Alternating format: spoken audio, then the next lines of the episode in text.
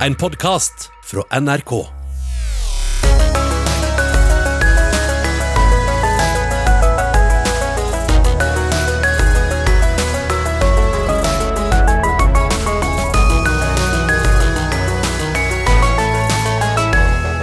Han er krigsveteran som overtar ansvaret for et forsvar som har blitt mindre, fattigere og dårlig rusta. Hun er redaktør i avisa som ble grunnlagt etter motstandskampen for 75 år siden.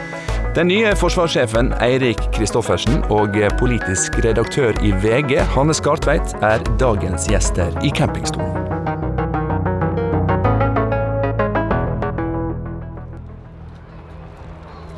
For å få de to toppene fra den militære og sivile delen av det norske samfunnet og koble fortid til nåtid, så valgte vi å møtes midtfjords, i Drøbaksundet. Vi er på Oscarsborg festning mellom de to historiske kanonene Aron og Moses, og det var ditt forslag, han, å møtes her? Ja, det er riktig. Dette er jo et sted med historiens hus, hvor, hvor det skjedde viktige ting. Det var her de stanset tyskerskipet Blücher Eh, oberst eh, Birger Eriksen, som eh, jo var en helt, som skøyt selv om han ikke visste om han fikk lov av sjefen inne i Oslo. Og gjorde at regjeringa og kongen fikk flykta fra byen. Eirik, vi skal snakke mer om heltemot og, og sterk offisersholdning senere. Du har vært med på veldig mye. Du er blitt heidra for klokskap og mot i strid. Hva tenker du som en topptrent eh, spesialsoldat om det som foregikk her eh, en aprildag for 80 år siden? Det viser jo eh, det lederskapet som vi alltid søker å, å, utvikle i Forsvaret. Nemlig folk som står opp og gjør de rette tingene, selv om situasjonen er veldig uklar. Vi må huske på at Birger Eriksen var nesten 65 år i 1940. og Likevel så tok han ansvar og, og leda under særdeles uklare omstendigheter, og valgte å fyre skarpt mot Blykjer.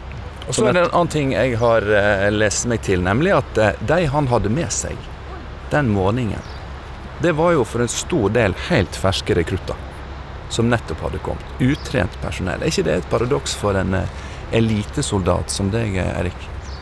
Det som er grunnen, har jeg sagt bestandig, at FSK er så god som de er, Forsvarets spesialkommando som jeg var en del av, er jo nettopp verneplikten i grunnen. Og så Vi skal senere snakke om hva som skjer når eh, færre blir kalla inn til førstegangstjeneste. Hanne, vi må snakke litt mer om den nye forsvarssjefen her. Fordi jeg kan ikke huske en eneste utnevning av en ny forsvarssjef i Norge som har ført til så mange oppslag, portrettintervju, som i tilfellet Eirik Kristoffersen. Eh, De avis, VG, hadde en svær magasinsak med tittelen 'Med krig i blodet' over et veldig James Bond-inspirert eh, bilde. Hvorfor dette personfokuset så sterkt? Nå gjetter jeg bare, men jeg vil tro at det for Eirik Kristoffersen er viktig å forankre Forsvaret i en ny tid i hele folket. Nettopp vise at man er synlig. I en tid som vi var inne på med verneplikten, som er blitt eh, færre her inne. Eh, det er mindre, færre mennesker i Norge som har direkte kontakt med Forsvaret. Og det for en ny forsvarssjef da å vise seg fram og vise viktigheten av Forsvaret, tror jeg har vært en viktig del av hans motivasjon. Men dere brukte ikke åtte sider på nåværende sjef Håkon Brun-Hansen, f.eks.? Nei, jeg har hatt han i min podkast. Håkon Brun-Hansen. Nei da, det er sant det, men eh, han er jo en uh, ung og ny sjef som antagelig kanskje innevarsler en ny tid når det gjelder åpenhet i Forsvaret også. Ja, for du sa til meg uh, da vi gjorde den avtalen at han er en spennende fyr. Det er klart Du har jo hele, hele det sagnomsuste spesialsoldat som har vært lukket lenge. Eh, som er blitt mer åpent med årene. Tiden som Afghanistan-soldat, vært med i internasjonale operasjoner, gjort veldig mye. Vært leder, leda andre soldater inn i veldig krevende eh, situasjoner. Eh, og så er han en eh, smart, eh, intelligent, eh, flink fyr, tror jeg. I hvert fall er det mitt tydelige inntrykk. Erik, tror du folk hadde likt deg like godt hvis de visste hva du hadde gjort? Ja, jeg har ikke gjort noen ting som jeg ikke kan eh, stå for. Eh, verken i Afghanistan eller eh, i, hjemme her i Norge. Så, så, jeg står for det jeg har gjort i Afghanistan, og, og det mesteparten av det tåler absolutt offentlighetens lys. Den eneste grunnen til at vi skjermer en del ting, er at vi jobber tett med allierte samarbeidspartnere. Vi ønsker ikke at, at, vi skal snakke om de. Og det andre er at at noen av de operasjonene vi gjorde, er sånn i tid og rom, sånn at det kan faktisk medføre represalier i den eh, verden vi lever i i dag. Så, eh, så det er egentlig sikkerheten for folka våre og, eh, og, forholdet til allierte som gjør at vi ikke snakker om alt vi har gjort. Men vi prøver å være mest mulig åpne. Og det skal Forsvaret fortsatt være. Men du sier at du står for det du har gjort. Og så tenker jeg at en, en spesialsoldat skal jo også stå for å kunne forsvare at han eller hun har tatt liv, om så det har ramma sivile, som vi vet det har gjort i Afghanistan. Ja, Vi har aldri vært med på at norske soldater som har vært sammen med meg, eller er leda, eller har vært med på operasjoner sjøl, der vi har tatt sivile liv. Vi har tvert imot uh, unngått å ta mange sivile liv. Med at vi med bruk av, av, god kløkt og god strategi, så har vi klart å pågripe opprørsledere fremfor å måtte ta livet av dem. Så, Teller sånne som deg eh, antallet mennesker en har eh, tatt i strid? Nei, det, det, det, har jeg aldri opplevd at noen gjør. Eh, det er nok folk som vet eh, hvor mange de har drept, men eh, det har aldri vært noe tema om, om, om hvem som egentlig har drept den og den personen. Men, vet du hvor mange du har drept? Nei, det vet jeg ikke. Jeg vet ikke hvor mange jeg har vært ansvarlig for å ta livet av. Det vet jeg ikke. Dette er NRK P2 og sommerserien To i campingstol. Vi sitter mellom kanonene Moses og Aron på Oscarsborg festning sammen med den nye forsvarssjefen Eirik Kristoffersen og VG-redaktør Hanne Skartvedt.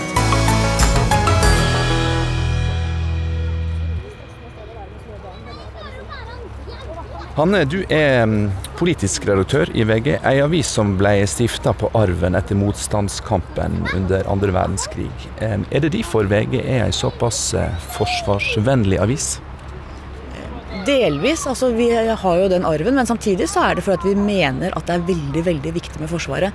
Vi er en avis som på lederplass er opptatt av ansvarlig økonomisk politikk, eh, innsparing, ikke sløse med offentlige midler. Men akkurat når det gjelder Forsvaret, så er vi veldig opptatt av at der må man bruke det som trengs. Særlig en tid som nå. Vi ser jo Gjennom 90-tallet rustet man veldig ned. Da trodde vi at verden var blitt et mye bedre sted. Men nå ser vi at det er en mye mer urolig verden, og da er vi nødt til som samfunn å bruke det som kreves på Forsvaret. For Du skrev eh, i en kommentar eh, som gjaldt regjeringas bevilgning til Forsvaret, at eh, regjeringa svikta sitt oppdrag, som er å sikre trygghet for land og folk. Ja, Det er første og fremste oppgaven, er å sikre landets grenser, sikre vår trygghet. Og når man ikke bruker nok, man har f.eks. For fortsatt ikke oppfylt eh, kravet om 2% som alle Nato-allierte er blitt enige om, at man skal bruke 2 av, av bruttonasjonalprodukt på Forsvaret. Det gjør ikke Norge. Vi har ikke oppfylt det på mange år, og gjør det fortsatt ikke. Eh, og at man ikke oppfyller det, da mener jeg at da svikter regjeringa sitt oppdrag. Og så er det jo kanskje vanskelig uh, å få forståing i opinionen for at en ikke kan ta seg råd til uh, tiltak i andre sektorer, fordi vi må ha nye fly, nye ubåter, vi må ha flere hærsoldater etc. etc. Folk flest går ikke rundt og tenker at ja, det trenger vi. Virkelig. Nei, og det syns jeg er rart at folk flest ikke går rundt og tenker. Målet med Forsvaret er jo, det er jo litt paradoksalt, for målet med Forsvaret er at man skal ha, bruke nok ressurser til at man slipper å bruke det. Eh, men allikevel, når vi ser rundt oss i verden nå, så tenker jeg at alle bør være bekymra og tenke at vi bør bruke virkelig det vi trenger på Forsvaret. Eirik, du er jo hærmann. Eh, og både din eh, forgjenger, marinemann Håkon Brun-Hansen, og du har snakka om at den norske hæren er i ferd med å bli så liten at en kan begynne å snakke om en militshær. Kan du forklare hva som ligger i den begrepsbruken? Jeg er ikke enig i bruken av at det er en militshær, det har, ikke jeg sagt. Den norske hæren er for liten, ja. Det, det vi står i Hæren eh, i Norge i hver dag, det er at vi har folk som er ute i operasjoner i eh, utlandet. Litauen, Irak, Afghanistan. Og så har vi en eh, hær som skal passe på Norge. Og denne, de her oppgavene går ikke opp da, når, når vi er så små som vi er. Men sier du nå at de mange utenlandsoperasjonene som Norge har deltatt i de siste ti åra, har svekka forsvaret av Norge? Nei, tvert imot så har utenlandsoperasjonene gjort at vi er blitt enda flinkere til å jobbe sammen med allierte. Eh, men belastninga på folket har vært eh, stor. Vi tar en risiko hver gang vi sender folk ut, med at vi har eh, færre styrker hjemme. Og på beredskap for Nato, hvis det skal være behov for det. Men du går jo inn i denne jobben, Eirik, i en tid da regjeringa sitter og skriver på andreutkastet til langtidsplan for Forsvaret, fordi Stortinget fikk det og sa dette er rett og slett ikke godt nok, og sendte det tilbake. Klarer en forsvarssjef i hele tatt å overbevise de som sitter på pengesekken om at, om at dette er viktig? Og ja, det koster enorme summer. Jeg opplever jo at eh, politikerne har eh, stor forståelse for at vi må satse på Forsvaret. Og det satser mer på Forsvaret de siste årene. Så jeg er sikker på at jeg skal klare å få gjennom mine budskap. Og så er det politikerne som til slutt eh, må ta risikoen med hvor mye penger skal vi bruke på forsvar. Så det er en politisk risiko som som jeg tror jeg skal være veldig tydelig overfor statsråden på hvilken risiko vi tar hvis, hvis bevilgningen må, må kuttes. da. Nå sitter vi altså på historisk grunn på Oscarsborg festning eh, ved de kanonene som eh, senka eh, storskipet Blücher morgenen 9.4. Jeg har lest stortingsmeldinga som kom ut etter krigens slutt, som var en evaluering av det norske forsvaret, norske innsatsen både før og under okkupasjonen. Og Konklusjonen der er jo at vi burde jo aldri ha bygd ned Forsvaret. Vi burde ha lytta på kritikerne og satsa på eh, fartøy og mannskap. Er det mulig å se likhetstrekk til dagens situasjon, Hanne? Både ja og nei. For gjennom 90-tallet så var det naturlig egentlig å skalere ned. For det, det, var ikke det samme behovet. Men du må da likevel, når verden endrer seg, skalere like kraftig opp. Og det har man altså ikke gjort. Eh, og jeg tror nok at situasjonsforståelsen av både et Russland som er blitt sterkere militært, Kina ikke minst, eh, som vi sikkert skal snakke mer om, som er en stor eh, trussel akkurat nå. De kommer til å ta over mye av, definere mye av hvordan verden ser ut i åra framover. Og med en president i USA som da ikke akkurat er pålitelig når det gjelder innfallet innfall han får rundt Nato og andre ting, så er det klart at da må vi se alvoret og agere deretter. Eirik, jeg las for ikke lenge siden en, en, sak, en kommentar fra en forsker på Sjøkrigsskolen som sa at det norske forsvaret har feil fokus. Fordi eh, russerne kommer ikke trampende over Finnmark. En invasjon er mye mer sannsynlig eh, med fokus på Lofoten og havområder. Eh, og vi ser at russisk øvingsaktivitet trekker seg stadig lenger nedover kysten og så tett opp til norskegrensa som råd. Bør, bør dere endre fokus? Jeg syns det norske forsvaret har et veldig balansert og bra fokus på, på det å kunne være til stede i nord. Men vi skal heller aldri undervurdere en motstander. Så eh, vi skal aldri utelukke at eh, vi kan bli overraska en gang til. Vi har en historie i Norge for å bli overraska. Vi ble overraska 9.4. Vi ble overraska eh, når muren falt. Vi ble overraska over borgerkrigen i Jugoslavia, og vi ble også overraska 22.07. Så vi må aldri slutte å tro at vi har svaret på, på hvordan en krise kommer til å se ut. Blir vi overraska igjen, tror du? Ja, det er jeg helt sikker på. Jeg er sikker på at vi kommer til å bli overraska flere ganger i fremtida. Og da må vi ha en grunnberedskap som er god nok, og som sikrer at eh, alle sin, samfunnet sine ressurser jobber best mulig sammen når krisa treffer. Og Det er jo hovedkonklusjonen i 22. juli-rapporten. er nettopp det. Det landet som eh, svært lenge har vært regna som Norges eh, største potensielle trussel, heter Russland. Et land som aldri har invadert oss, men som har befridd oss. Som er alliert med Kina i enorm vekst, økonomisk, politisk og på alle vis. Samtidig som vi har vår næreste allierte USA, som er i ferd med å smuldre fullstendig opp som demokrati. Risikerer vi Eirik Kristoffersen det samme som under andre verdenskrigen, å være alene på tross av at vi var allierte? Nei, det, det mener jeg at vi ikke risikerer. Vi, I forhold til 9.4.1940 så er vi nå medlem av, av verdens sterkeste militærallianse, Nato. Og jeg er sikker på at Nato-samarbeidet og Nato viljen er fortsatt stor til å stå sammen hvis eh, krisa inntreffer.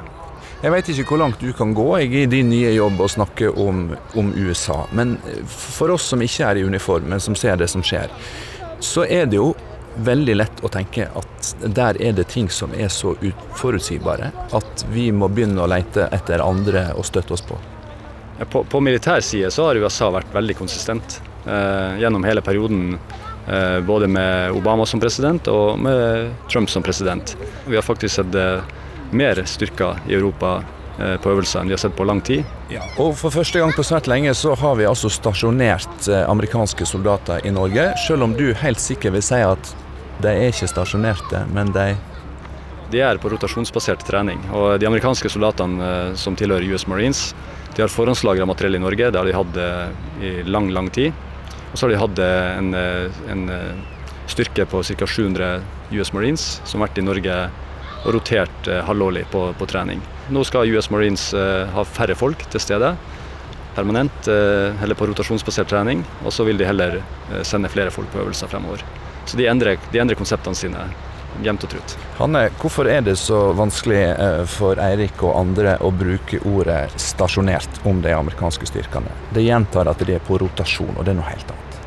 Da Norge ble medlem i Nato, så laget vi det som het base og Hjelp meg, Erik. Base og Vi har en basepolitikk som tilsier at vi ikke skal Basepolitikk som, og atompolitikk. Vi skulle ikke ha atomvåpen på norsk jord, og skulle ikke ha amerikanske baser på norsk jord. Det var forutsetningen da Norge gikk inn i Nato i sin tid, og det ligger der. Så det er klart at det er en slags føring, og så er det politisk mer betent. Men jeg hadde lyst til også å si når det gjelder USA som demokrati i, som smuldrer opp, der er jeg ikke enig med deg. For det er klart at det er store utfordringer, det ser vi, men vi må huske at institusjonene i USA er veldig sterke. Vi har sett ganske mange oppmuntrende tegn den siste tida. Høyesterett som tar avgjørelser som er i strid med det Trump eh, ønsker og det man egentlig trodde, med hans nyutnevnte dommere. Du har eh, militære, Pentagon. Eh, dette er mennesker som har sverget troskap ikke til presidenten, men til den amerikanske konstitusjonen. Og det tror jeg vi av og til undervurderer hvor tungt det ligger i de som har fremtredende verv i det amerikanske samfunnet. At de holder seg veldig til grunnloven, konstitusjonen, institusjonene. USA vil korrigere seg inn på en bedre kurs igjen. Det har de alltid gjort. Jeg vil snakke om noe som jeg vet du er opptatt av, Eirik. For det har jeg nemlig hørt i en podkast som Hanne Skarseit har laga med deg. Eh, stikkordet her er verneplikt. Før skulle det jo mye til å slippe verneplikta. I dag skal det ganske mye til å i hele tatt komme inn til førstegangstjeneste. Jeg tror det er snakk om 15 ja, ca. 12-15% gjennomfører førstegangstjeneste. Men verneplikten gjelder for alle. bare så det er sagt. Ja, Selv om du ikke blir kalt inn til førstegangstjeneste, så er du fortsatt vernepliktig. Men jeg hører at du syns det er problematisk at uh, ikke flere gjennomfører verneplikt. Hvorfor er det vanskelig? Jeg ønsker jo at uh, det norske folk uh, skal være en del av samfunnsberedskapen i Norge. Og da er jo verneplikten og førstegangstjenesten kanskje det beste middelet vi har for å skape en sånn eh, følelse av at vi alle bidrar til, til tryggheten i, i, landet vårt. Og jeg skulle jo eh, absolutt ha sett at enda flere gjennomførte en eller annen form for, eh, for førstegangstjeneste. Norge har brukt store deler av sin militære kapasitet til å kjempe på fremmed jord, bl.a. i Afghanistan, der du har tjenestegjort eh, antageligvis mer enn de fleste, Erik Kristoffersen. Eh, du har jo opplevd å miste kollegaer og venner i Afghanistan. Jeg mista eh, faktisk 23. Eh, juli, altså i, i går, så mista vi eh, for, I 2007 så mista vi Tor Arne Løv Henriksen i en operasjon sør for Kabul. Han var en god venn. Han var en god spesialjeger, og han ble skutt og drept på oppdrag i, i Kabul. Hanne, sjøl da de draperte kistene begynte å komme hjem til Norge, så nekta vår politiske leding å vedgå at Norge var med i en krig. Og da fyrte du og VG seg opp over det. Hvorfor det?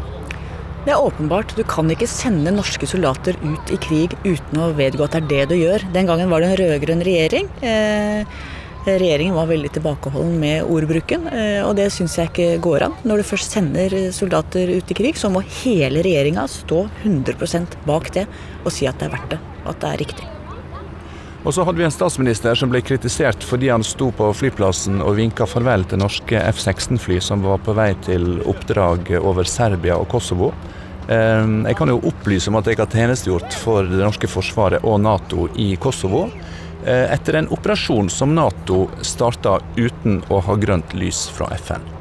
Og så har vi senere sett flere andre tilfeller der en eh, går sammen med en gjeng allierte og setter i verk eh, operasjoner. Vil vi se sånn mer framover, tror du Erik? Alenegang? Jeg håper at vi bruker FN-mandatet som grunnlag for operasjonene vi deltar i. Jeg mener at det er vesentlig å styrke FN på alle måter fremover. Selv om vi er medlem av en sterk militærallianse, så er vi mest tjent med et FN som fungerer best mulig. da. Så vil det helt sikkert være dilemmaer der eh, FN eh, og Sikkerhetsrådet er handlingslamma. Og, og, man tenker at vi kan ikke tåle all den uretten som skjer, og bare sitte og se på. Så, så det er vanskelige vanskelig politiske valg, men, eh, men sånn i utgangspunktet så må vi gjøre det vi kan for å styrke FN. Samtidig i virkelighetens verden så vet vi alle at Sikkerhetsrådet der er det vetomakter, og både Russland og Kina antagelig vil legge ned veto mot enhver samordnet militær aksjon. Og man har jo også et i FN en bestemmelse om at man har forpliktelse til å beskytte der man ser det pågår folkemord og andre typer ting. Så jeg tror nok at man vil komme i situasjoner hvor man kanskje må handle med uh, ulike allianser, Nato eller andre allianser, for å gripe inn dersom man ikke får det FN-mandatet du gjerne vil ha. Ja, det vil nok skje. og uh, det er et norsk dikt som sier det. Du skal ikke tåle syndelig vel, det er en urett som ikke rammer deg selv. Og det, det må vi fortsatt leve opp til. Dette er NRK P2 og sommerserien 2 i campingstol. I dag er gjestene mine her på Oscarsborg festning VGs Hanne Skartveit og landets påtroppende forsvarssjef Eirik Kristoffersen. Vi har snakka om vernepliktige, Erik, og vi har snakka om eh, livet som spesialsoldat. Eh, for de som ikke har så god kjennskap til dette, men som ser deg figurere i VG i, i en slags James Bond-outfit, hva er det du er trent til som en vanlig soldat ikke er trent til? Vi er trent til å, til å skyte enda bedre, eller var i hvert fall det. Skyte enda bedre enn alle andre. Veldig presis skyting. Eh, vi skulle vi skulle være sikre på at når vi brukte makt, så forårsaka vi ingen utilsikta skade. Vi er trent på, eh, på, alle mulige innsetningsmetoder. Dykking, fallskjermhopping, gå langt og bære tungt. Eh, og vi er trent til å jobbe i små forband eh, og bruke alle ressursene som finnes av militære kapasiteter, fly, droner, og få de til å virke sammen med oss når vi er på operasjoner i, i utlandet. Så de spesialsoldatene i Norge holder høy kvalitet, og, og det var en stor ære å få være en del av de i mange år. Og norske soldater, både spesialstyrkene og, og, mer ordinære styrker, har jo internasjonalt et veldig godt ry. Hva er det med den norske soldaten og mentaliteten, Erik? Da, da, er vi tilbake igjen til verneplikten. Med verneplikten i bunn så får vi et uh, bredt tilfang av uh, folk som har uh, god, høy utdanning, og som kommer fra et norsk samfunn som er veldig tillitsbasert. Så vi får faktisk et menneskemateriale som er ganske unikt da, i militær sammenheng. Og eh, Det gjør at eh, norske soldater eh, er reflekterte, de er lojale uten å være lydige. De har et stort potensial. Og mange er sånn som meg, som egentlig hadde tenkt å være i Forsvaret. Vi skulle bare gjøre litt mer ut av førstegangstjenesten, og så blir man værende. da. Hanne, du snakka innledningsvis om eh, fravær av forståing for hvorfor vi trenger et sterkt og kostbart forsvar. Eh, Eirik Kristoffersen sier at han vil bygge tillit mellom folk og forsvar. Er han typen som kan få dette til? Det vil jo tiden vise. Eh, det er umulig for meg å, å svare på, men eh, det han har levert så langt, eh, tror jeg kan tyde på det. Men her vil jo historien dømme, da. Som det gjorde med Birger Eriksen i sin tid og andre. Det er det du leverer som vi må vurdere. Ja, det er, viktig å, det er viktig å se hva folk gjør, og ikke hva de sier. Så jeg er enig med han er der. Og det er litt tilbake igjen til det vi ser med USA òg. Altså, en ting er hva som blir sagt, en annen ting er hva amerikanerne gjør. Hva blir det første og viktigste for deg som ny forsvarssjef? Ja, det viktigste blir egentlig å, eh, å få eh, Forsvaret, som jeg er sjef for, og Forsvarsmateriell, som skaffer materiellet til Forsvaret, Forsvarets forskningsinstitutt, som ser på fremtida, og Forsvarsbygg, som forvalter eiendomsmassen. Å få alle de her fire etatene til å dra i samme retning. Og så har jeg hørt deg en gang eh, snakke om at du er opptatt av bærekraft og klimakrav, til og med?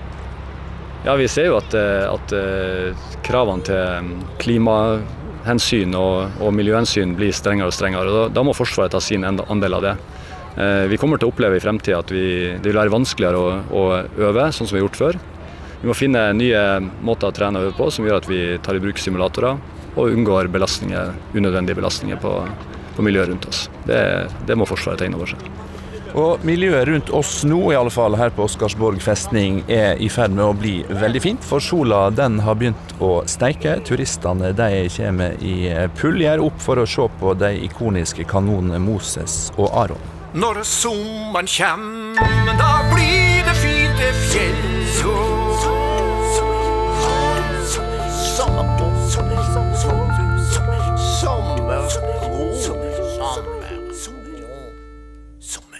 Hei, campingstolen.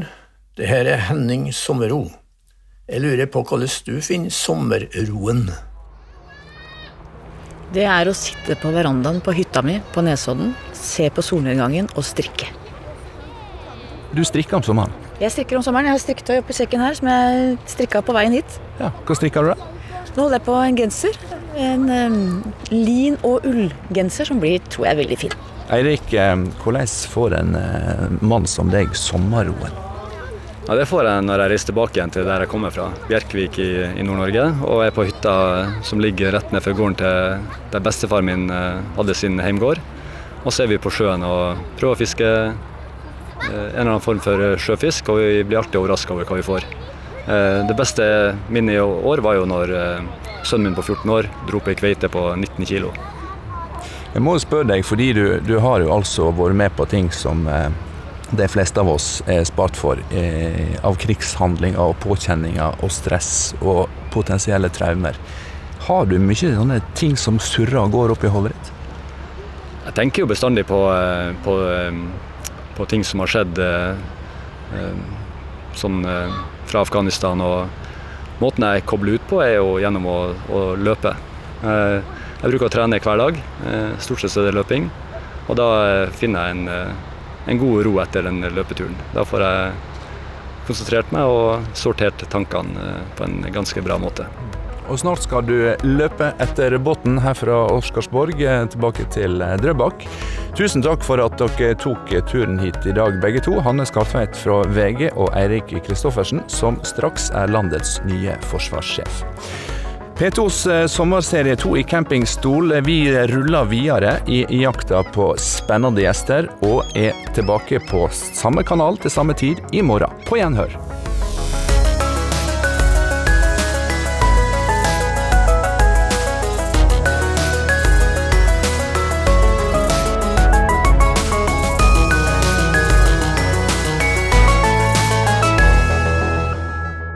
Du har hørt en podkast fra NRK. Hør flere podkaster og din favorittkanal i appen NRK Radio.